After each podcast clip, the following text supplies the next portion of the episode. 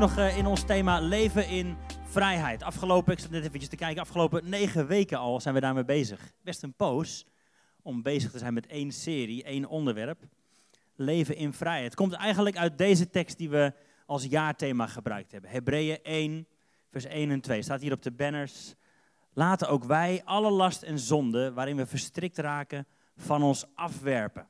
En vastberaden de wedstrijd lopen die voor ons ligt. En, en laten we daarbij onze blik gericht houden op Jezus. De grondlegger en voleinder van ons geloof. Nou, dat eerste stukje, laten we alle last en zonde van ons afwerpen. Dat hebben we genoemd, laten we leven in vrijheid. Dat is Gods plan voor jou en mij. Dat is Gods idee. Dat is niet mijn idee, dat is Gods idee voor jou en mij. Dat is waarvoor Jezus gestorven is. Dat is waarvoor Hij ons gemaakt heeft om te leven in vrijheid. En ik zei al de afgelopen paar weken hebben gekeken naar vrijheid van oordeel, vrijheid van leugens, vrijheid van angst. Leven in vrijheid als vrucht van de geest. Vrij van duisternis of, of slavernij, hè, toen het over dopen ging. We hebben het gehad over vreugde en vergeving. Vorige week sprak Kors over vrij van wetticisme, van alle regeltjes die we onszelf op kunnen leggen. Leven in vrijheid. Dat is Gods plan voor jou en mijn leven. Vandaag gaan we het hebben over een heel ander onderwerp.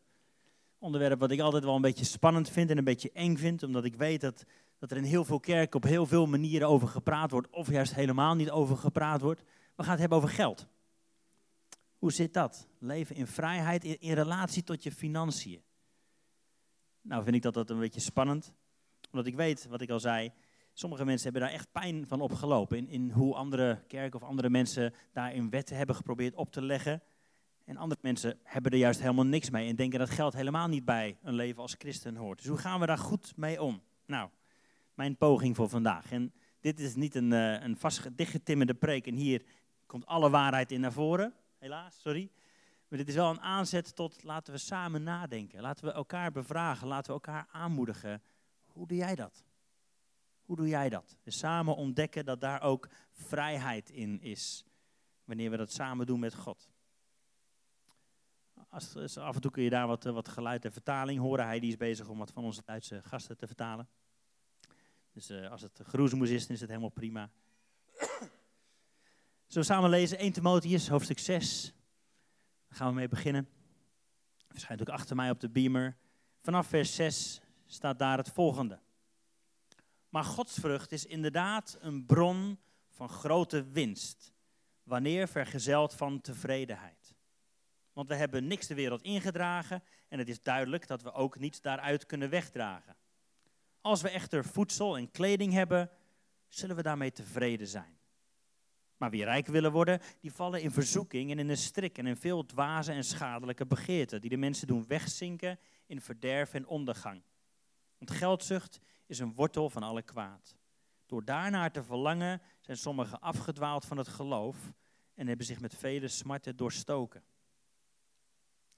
Nou, dat is een leuke tekst om mee te beginnen. Zullen we samen bidden? Heere God, dank u wel dat u betrokken bent bij ons leven. U kent ons, u glimlacht over ons, u houdt van ons. En u verlangt ernaar om ons in vrijheid te zetten. dank u wel dat u dat al aan het doen bent dat u ons steeds meer aan het vrijmaken bent. En ja, wat we net ook zeiden, we willen onze blik op u richten. Kijken naar hoe groot en hoe goed u bent. En, en steeds meer leven vanuit uw perspectief. Je wilt u ons helpen om ook als het over, over geld gaat en over financiën, om, om uw perspectief een klein beetje meer te gaan snappen. En een klein beetje meer vrij te komen in deze hoek, in, in dit gebeuren, als het gaat over financiën. Dank u wel dat u ons kent en dat u weet wat we vandaag nodig hebben. En dat u een goede vader bent die ervan houdt om goede dingen aan uw kinderen te geven. Dat willen we ook vandaag ontvangen. In Jezus' naam.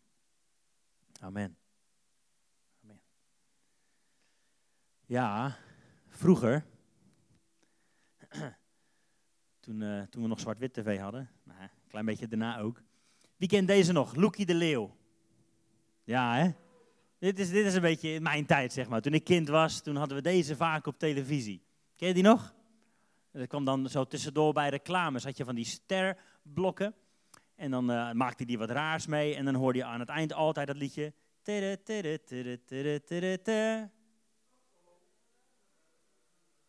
Ja, bijna goed, ja. En dan zei hij niet, oh, oh, maar hij zei, als je me nou, heel goed, als je me nou. Ja, dat is Loekie de Leeuw. Reclame. Dat begon toen al een klein beetje meer door te druppelen. En, en, maar nu word je ermee doodgesmeten natuurlijk met reclame. Overal, altijd reclame. Niet alleen op tv, hoewel je daar ook een beetje flauw van wordt. Als je naar een film van anderhalf uur kijkt, ben je zo drie uur verder. Om de zoveel minuten heb je plaspauze. Zo vaak hoef je helemaal niet te plassen. Maar het is altijd reclame. Altijd en overal. Op tv, zei ik al, maar ook internet. Nou, naast dat ik hierbij betrokken ben bij de kerk, doe ik ook wat werk als ZZP'er in, in marketing en ja, ook reclame. Dus het is, soms is het mijn schuld dat je van die irritante reclames voorbij ziet komen op je, op je internet. Als je net het ene hebt gezocht, dat het dan weer verschijnt. Ken je dat? Ook wel eens gehad. Dan zit je even, even op Facebook en dan krijg je in één keer een haargroeimiddel voor je neus. Hoe weten ze dat? Ik zoek nooit op haargroeimiddel. Maar ergens is er dan wel zo slim iemand geweest die dacht, hij wil vast haar. Wil ik helemaal niet, maar ja, minder is beter, toch? Goed, waar je ook komt, waar je ook gaat, sta je rustig in een restaurant te plassen, heb je nog zo'n reclamebord voor je neus. Altijd overal is er reclame. Maar de boodschap die, die daar altijd in doordringt is, ja, je mist iets. Jij mist iets in je leven. Zonder mij ben jij niet compleet. Als je dit niet hebt, als je dit niet koopt, ja, dan kun je niet gelukkig worden. Dan mis je iets fundamenteels in je leven. Dan, dan hoor je er niet bij. Of je komt iets tekort. Of je kunt nooit geluk ervaren. Dat is de hele boodschap die jij en ik de hele dag om ons oren krijgen. En ongemerkt, geloof ik, druppelt dat naar binnen. Ongemerkt nemen we dat langzaam voor waarheid aan. Je, je hebt nooit genoeg, je doet nooit genoeg, je bent nooit genoeg. Toch? Dat is de boodschap die we horen. En, en ergens is er zo'n knagend gevoel van ontevreden. Ja, er is altijd wel iets wat, wat je mist, of waar je niet bij hoort, of wat je niet hebt. En, en dat is dan niet alleen financieel, maar dat, dat, dat druppelt ook door op alle andere gebieden van je leven. Want ja, als, als ik voor die partner kies, dan mis ik dus een heleboel andere. Of, of als ik voor die kerk kies, ja, dan ja, misschien doe ik dan wel iets verkeerd of mis ik iets ergens anders. Of, het is op, op een heleboel gebieden gaan we merken dat we vanuit angst gaan leven, vanuit een ontevredenheid. Nou, het goede nieuws is, als je Jezus leert kennen, ga je over van dat koninkrijk naar een ander koninkrijk. Dat wil ik vandaag een klein beetje gaan uitpakken aan de hand van verschillende voorbeelden. Maar het leukste voorbeeld, daar wil ik mee graag mee beginnen, is een filmpje over fietsen. Dit is een filmpje waarbij het stuur de andere kant op wijst. Dus als je naar rechts wilt, moet je naar links sturen. Dat kun je een beetje vergelijken met overgaan van het ene naar het andere koninkrijk. Kun je het filmpje erbij pakken alsjeblieft? Brain Games has set New York City on a Super Sense collision course. We've offered $100 to any of our fans in Times Square who can conquer this backwards bike. How's your day going? Uh, so far, so good. How old are you? I'm 11. You're gonna be riding this bike about 20 feet that way. If you can get to the other end, there's a $100 bill, nice and crisp there waiting for you. And I get to keep it? You get to keep it. What do you do for a living? I'm actually a bike courier. Fantastic. Well, listen, this might respond differently than most bikes, but it is mechanically possible to ride it. But you can't, your feet can't touch the floor. You gotta actually ride the bike the whole way. You think you're up for the challenge? I think so. Are you ready? Oh my god, yeah, I'm totally ready. Let's do this. Ah! Okay. Here you go. You ready? Yes. Let's do this. Whoa!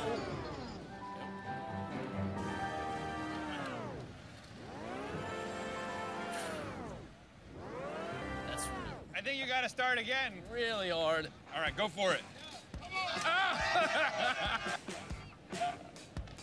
Does not work. Why isn't riding this bike as easy as, well, riding a bike? Even if you know that to ride the backwards bike, you must steer right to go left and left to go right. In the moment, your brain can't help but react wrong. Ja. Eh, help. Als je naar rechts stuurt, moet je naar links, enzovoort, enzovoort. Ik vergelijk het altijd een beetje met, we zijn overgegaan van het ene naar het andere koninkrijk. Maar onze gewoontes zijn vaak nog helemaal deel van daar waar we vandaan kwamen. En het gaan leven in Gods koninkrijk is eigenlijk als het, het anders leren sturen in je leven. Niet, niet terugvallen op je oude gewoontes, maar een nieuw leven aanleren. Ander koninkrijk, andere regels, andere wetten, andere gewoontes. Ook een andere manier van omgaan met je geld. Andere manier van omgaan met financiën en alles wat daarbij hoort. Een andere economie. Vandaag wil ik een kleine aanzet doen tot economie van het koninkrijk van God. En of je nou heel oud bent of heel jong, of je nou heel veel verdient of helemaal niks, of als je altijd tekort hebt of altijd over, het is voor jou relevant. Het is voor ieder van ons relevant. Als je werkt, ben je minstens 30, 40 procent van je tijd kwijt met geld naar binnen roeien, toch? Dus in ieder geval 8, 9 uur per dag ben je bezig om geld naar binnen te roeien. De rest van de tijd ben je bezig om geld naar buiten, met bakken naar buiten te, scheppen. Maar hoe, hoe, hoe speelt God daarbij een rol in je leven? Wat is de economie waarvanuit jij dat leven leidt? Waarvanuit jij omgaat met je geld? Nou,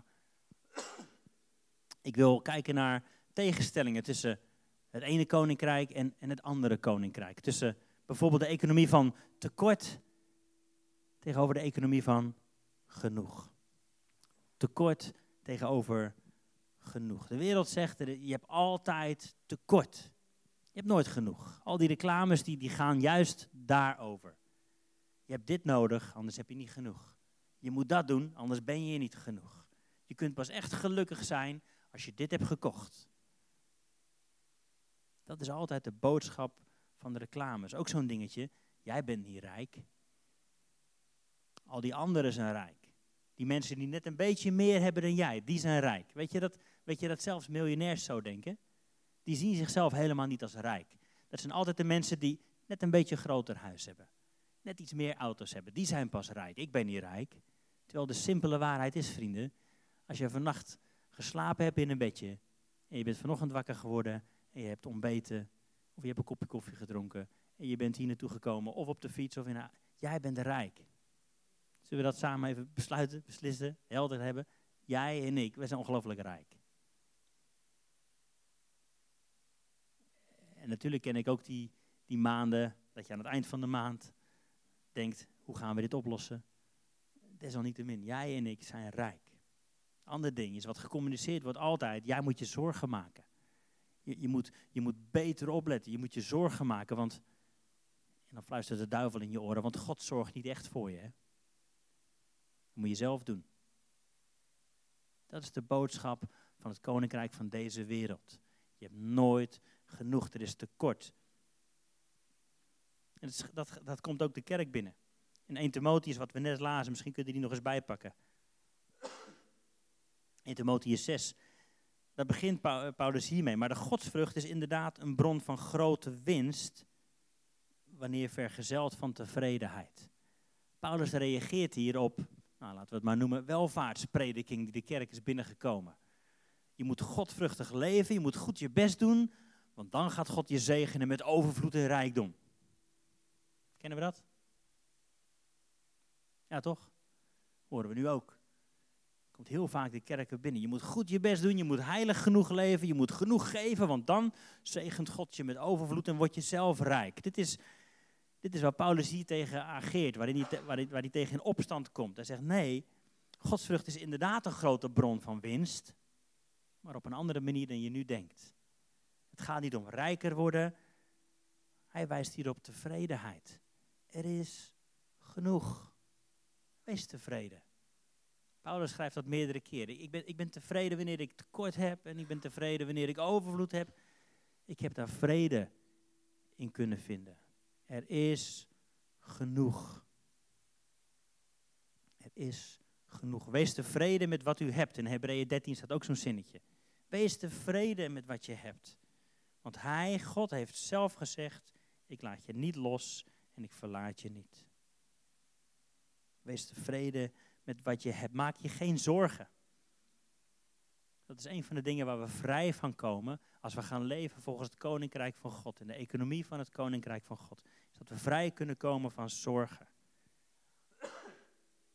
Jezus zegt dat in Matthäus 6 heb je dat verhaal over de, de, de bloemetjes. Dat God zorgt voor de bloemen, God zorgt voor de vogels, God zorgt voor jou. Wees dus niet bezorgd over wat je zult eten of drinken of waar je mee kleedt. Want, zegt Jezus, al deze dingen zoeken de heidenen. Oftewel, dat hoort bij een ander koninkrijk. Bij mijn koninkrijk, uw vader weet wat u nodig hebt. Zoek eerst het koninkrijk van God en zijn gerechtigheid. Wees niet bezorgd. Economie van tekort tegenover genoeg.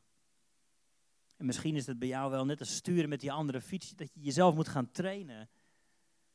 En je kinderen moet gaan trainen. Er is genoeg. Hij die zegt het voor de gein wel eens bij ons thuis als, als, als we tv aan het kijken zijn en er komt reclame op.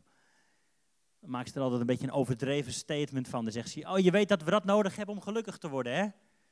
En daarmee haal je de angel er al een beetje uit en onze kinderen die glimlachen dan. Jo, jo, jo, er is genoeg. Wanneer je tevreden bent met wat je hebt, ben je de rijkste persoon op aarde. Of het nou heel veel is, of net genoeg om voor rond te komen, dan ben je rijk. Een andere economie is zelfgericht tegenover dankbaar. Zelfgericht tegenover dankbaar. Ken je van die mensen, van die self-made mensen die hun eigen leven op poot hebben gebracht, die zelf hard hebben gewerkt en alles zelf hebben verdiend? Ik heb er recht op. Ik heb ervoor gewerkt. En ik ben altijd op zoek naar what's in it for me. Wat, wat heb ik eraan? Ik wil best iemand anders helpen, maar wat verdien ik er dan aan? Die altijd zichzelf in het centrum hebben staan van hun leven. Kennen wij ook, hè? Wat, wat is Gods plan voor mijn leven? Wat is Gods plan voor mijn leven? Wat is Gods plan? En hoe kun jij jouw leven daarop aan laten sluiten? Dat is een hele andere vraag. Maar wie staat er in het centrum van jouw tijd, van je aandacht en van je geld? Zelfgericht. Sluit ook een beetje aan waar wij aan het vorige week over had. Dat je als regel of als wet hard moet werken om, om je liefde te verdienen, om je acceptatie te verdienen. Dat is uiteindelijk ook zelfgericht en misschien wel vanuit angst. Zet dat tegenover het koninkrijk van God, die zegt: wees dankbaar. Ontvang alles als van je hemelse vader. God zorgt voor je. Filippenzen 6, 4 staat dit, sorry, 4 vers 6. Wees in geen ding bezorgd. Maar laat je verlangens in alles door bidden en smeken met dankzegging bekend worden bij God. Dan zal de vrede van God, die alle begrip te boven gaat, je harten en gedachten bewaken. Sleutel is, wees dankbaar. Ik heb deze quote al eens eerder genoemd in een preek vorig jaar, maar hij blijft mooi, van Dr. Caroline Leaf. Zij is een uh, neurowetenschapper, weet alles over hersenen en denken. En zij zegt onder andere, een houding van dankbaarheid is essentieel voor een gezond brein, voor een gezond denken. Een houding van dankbaarheid. Dankbaarheid, zegt ze, is het begin van geluk. Als je gaat leven vanuit dankbaarheid in plaats van ik moet alles zelf voor elkaar boksen en, en iemand anders doet het niet voor mij en ik moet mezelf. Nee, dankbaarheid is het begin van jouw geluk. Doe het wel eens? Moest er wel eens aan denken, iemand zei dat is. Wat nou als je morgen alleen wakker wordt met de dingen waar je God gisteren voor bedankt hebt? uh, heel kaal leventje over. Wanneer bedank je God? Voor al zijn goede gaven. Vergeet er geen één. Dankbaarheid leidt tot, zegt Caroline Leaf onder andere, gezondere hersenen, gezonder leven, een betere relatie met God en anderen en met jezelf en met het leven. Je gaat dingen in een betere, mooiere, goede proportie zien. Je kunt leren om uitbundig te leven. Dankbaarheid. Niet zelfgericht, maar dankbaar zijn.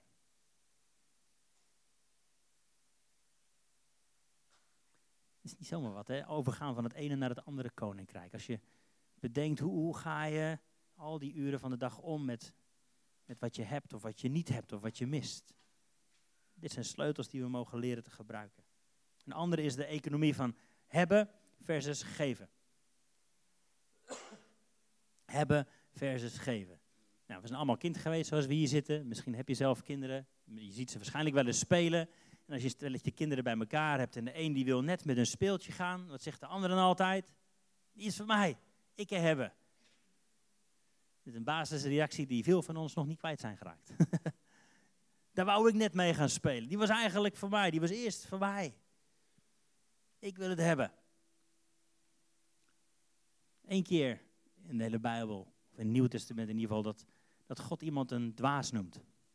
Dat gaat over het verhaal van een hele rijke man gelijkenis van Jezus. Een hele rijke man, die heeft eigenlijk te veel graan en te veel, hij heeft overvloed. Hij, hij, hij kan het gewoon niet meer kwijt in zijn eigen schuren. Dus wat doet deze man?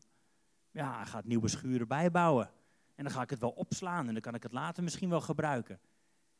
En in het verhaal van Jezus komt God en die zegt, dwaas, Wat gebeurt er nou als je vannacht overlijdt? Je kunt het toch niet meenemen? Dat is de economie van hebben versus geven. Hoe vrij ben jij met de dingen die je hebt? Weer er wel eens het voorbeeld gebruikt van, van Lord of the Rings. Een van mijn favoriete films. Met die ring en Gollum. Ken je dat nog? Gollum denkt dat hij die ring heeft. Maar eigenlijk heeft die ring hem. Totaal in zijn ban. En zo is het ook met bezit. We hebben een jaar geleden een huis gekocht. Super fijn. Heel blij mee. En je zou kunnen zeggen, het is ons eigendom. Maar als je er zo mee omgaat, met het is mijn eigendom, voor je het weet, ben ik eigendom van dat huis. Want mijn hele leven staat er in het teken van. Al mijn aandacht, al mijn geld gaat daar naartoe. En dat is een uitdaging. Om in wezen vrij te zijn van eigendom. Is het verkeerd om een auto te hebben of een huis te hebben? Nee, is niet verkeerd. Maar als je het gaat behandelen als eigendom, het is van mij, ik hebben. Ja, voor je het weet, gaat het kwartje de andere kant op. En ben jij in de ban van hebben. Dat is niet hoe God het bedoeld heeft. Het is beter te geven dan te ontvangen. Dat is wat Jezus leert. Totaal ander koninkrijk. Andere manier van denken. Hoe ben jij erop gericht? Hoe ben ik erop gericht? Om, om te kunnen geven. Om te kunnen delen. Hoe gastvrij zijn we? Hoe gastvrij zijn we? Hoe ga jij met de spullen om die je hebt? We hebben dat geprobeerd met ons huis en dat proberen we door, door regelmatig mensen uit te nodigen. Als het nodig is, we hebben een bed over, kom erbij. Hoe gastvrij ben je? Mogen mensen deel uitmaken van jouw leven? Kun je delen wat je hebt? Weet je dat zelfs reclamebureaus dit beginnen te snappen? Denk aan bijvoorbeeld Pampers. Ik weet niet of het nu nog steeds zo is, we zijn al een poosje uit de Pampers. Maar als je Pampers koopt of kocht, dan gaat daarvan een klein gedeelte van de opbrengst van de winst gaat naar mensen die minder hebben. Want ze weten bij Pampers, mensen vinden het fijn om iets te kunnen betekenen voor een ander. Dus als wij ze daar nou bij helpen, dan kopen ze Pampers. Zelfs de reclamebureaus beginnen dit een klein beetje meer te snappen. Het is beter te geven. Jij en ik worden gelukkiger van geven dan ontvangen. We denken dat we het nodig hebben om meer te hebben. Jezus zegt, hij heeft ons gemaakt, hij kan het weten. Het is beter te geven dan te ontvangen. We hebben net een tekst gelezen uit 1 Timotheus, die gaat later een stukje verder. Vanaf vers 17 staat daar dit. Beveel de rijken in deze tegenwoordige wereld dat ze niet hoogmoedig zijn. Hij heeft het dus over ons, hè? Wij waren rijk, weet je nog, hebben we net afgesproken. Beveel de rijken in deze tegenwoordige wereld dat je, wees dus niet hoogmoedig en hou je hoop niet gevestigd op de onzekerheid van rijkdom. Voor je het weet komt er weer een crisis langs en ben je weer dingen kwijt. Ben je je baan kwijt. Uh. Hou je hoop gevestigd op de levende God. Die ons alle dingen in rijke mate verschaft. Om ervan te genieten. Is een mooie trouwens. Om ervan te genieten. Mag je ervan genieten? Ja, je mag ervan genieten. Tuurlijk genieten wij van ons huis en van de dingen die we hebben. Je kunt ook doorslaan dat je je gaat schuldig gaat voelen over, ja, nou heb ik net een nieuwe broek gekocht. Ja, mag dat eigenlijk wel van God? Je mag ervan genieten.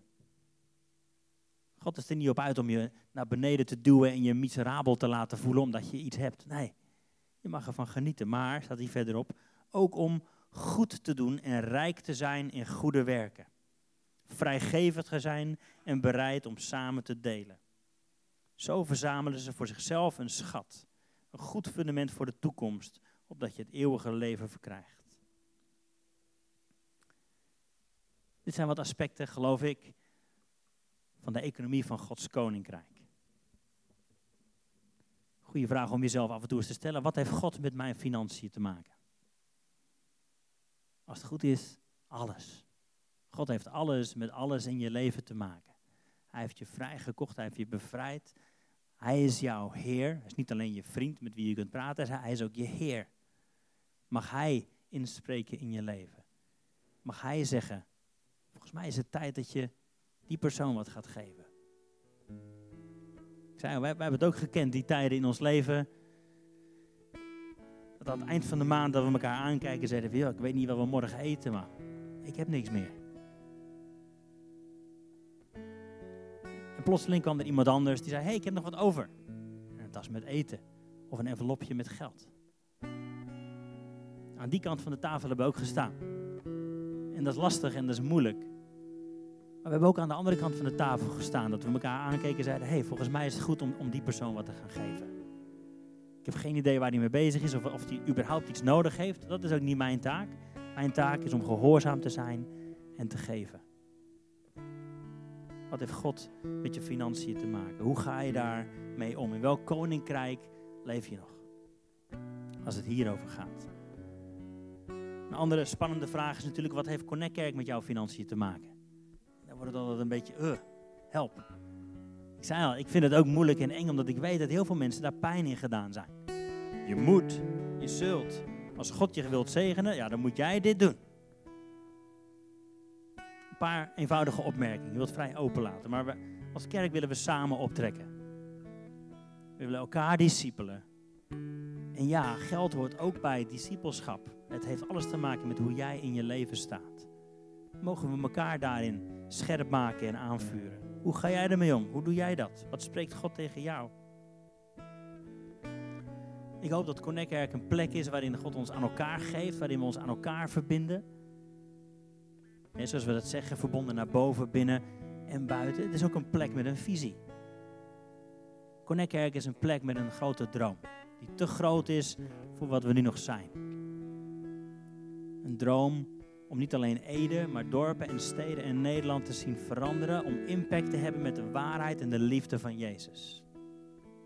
Op een heleboel creatieve, onverwachte manieren die we nu nog helemaal niet overzien.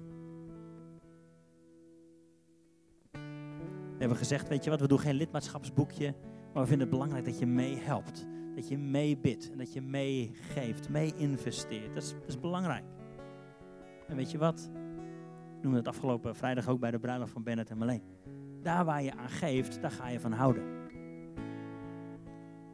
Daar waar je in investeert, daar raak je bij betrokken en daar ga je van houden. En daar word je uiteindelijk ook zelf weer door gezegend. Nou, ik heb bewust nog niks gezegd over tiende. Daar is die toch, een toverwoord hè, tiende in de kerk. Ik heb ze wel gezien de statements van kerken die zeiden: Wij geloven in God de Vader, Almachtige Schepper van hemel en aarde, bladibladibladibla. Bla, en in het geven van tiende. Amen.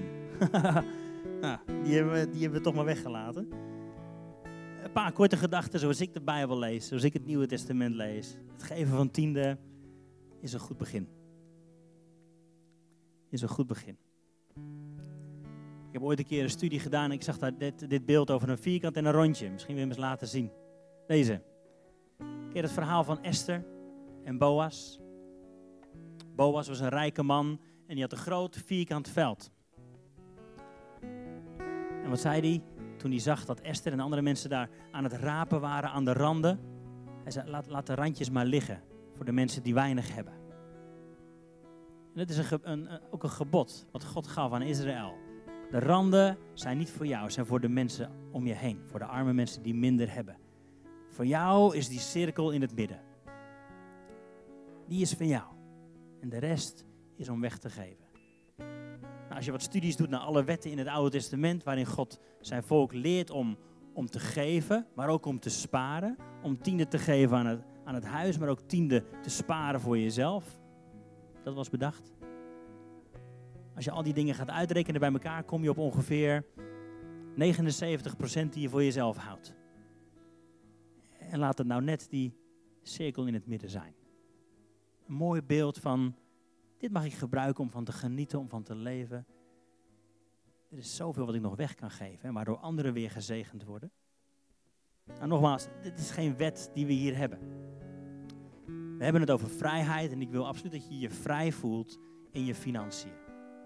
Vrij voelt om zelf te horen van God, wat mag ik doen? Maar soms zit je zo vol angst of zoveel pijn dat je daar nog niet vrij in bent. En daar wil ik je dan in aanmoedigen om daar stappen in te gaan zetten. Weet je, om, om te kunnen doen wat we nu doen, is er geld nodig. We huren dit gebouw, we, drinken samen koffie, we willen dingen kunnen kopen voor de kinderen, voor de tieners. We hebben spullen die we kopen. Wij worden een klein beetje betaald. Weet je, is, daar is geld voor nodig om te kunnen doen wat we nu doen. Om te kunnen groeien, zouden we graag meer willen doen. Zouden graag iemand willen aannemen voor, voor kinderwerk, voor, voor jeugd. We zouden graag meer en meer outreach-achtige dingen doen. We hebben mensen die we ondersteunen in het buitenland, maar ook hier in Ede. We zouden graag meer willen doen. En wij gaan er biddend mee om, ook als team, ook wij als gezin. Ik zou graag aan je willen vragen, ga dat ook doen. Ga God bidden, Heer, wat, wat mag ik doen? En ik wil dat je je daar vrij in voelt. Je bent niks meer of minder als je meer of minder geeft. Ik wil niet dat je geeft uit plicht, maar ik wil ook niet dat je niet geeft uit pijn. Laat genezing daarin binnenkomen. Ga samen met God aan de gang en ga leven vanuit de economie van zijn koninkrijk. Dus ga niet leven uit tekort, maar vanuit genoeg. Ga niet leven vanuit zelfgericht, maar ga leven vanuit dankbaar. Ga niet leven vanuit hebben, maar vanuit geven. Dat is de economie van Gods koninkrijk. Dat is waar we komen te leven in vrijheid, ook als het gaat om geld. Ik geloof dat God hierover glimlacht als we vrij worden met onze financiën. Als we vrijgevig worden, als we gastvrij zijn. Dat is het hele hart van God. Als lief had God de wereld, dat hij gaf zijn eigen zoon. God is altijd bezig met, met geven, met uitreiken. En als we op hem gaan lijken, naar hem gaan kijken, dan zal ook dit stukje in ons leven dat gaan reflecteren. Dan komen we vrij. Dat is het goede nieuws van Jezus. Zullen we gaan staan samen? Gaan we bidden?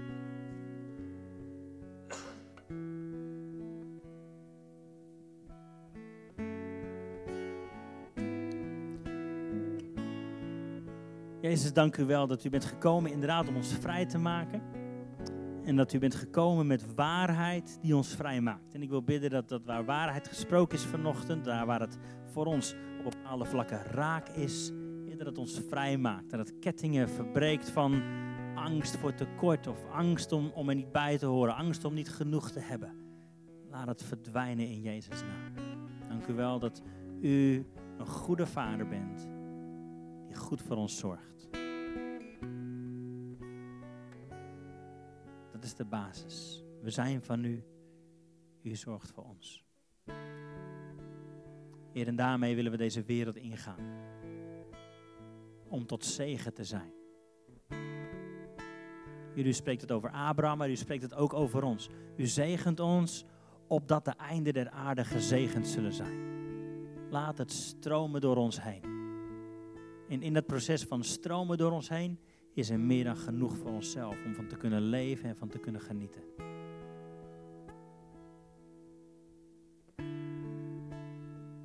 Heer, maak ons vrij. Heer, ook als we deze week ingaan, ik wil bidden dat u ons zegent en leidt en inspireert. Wilt u spreken? Wilt u ons beschermen? In Jezus' naam.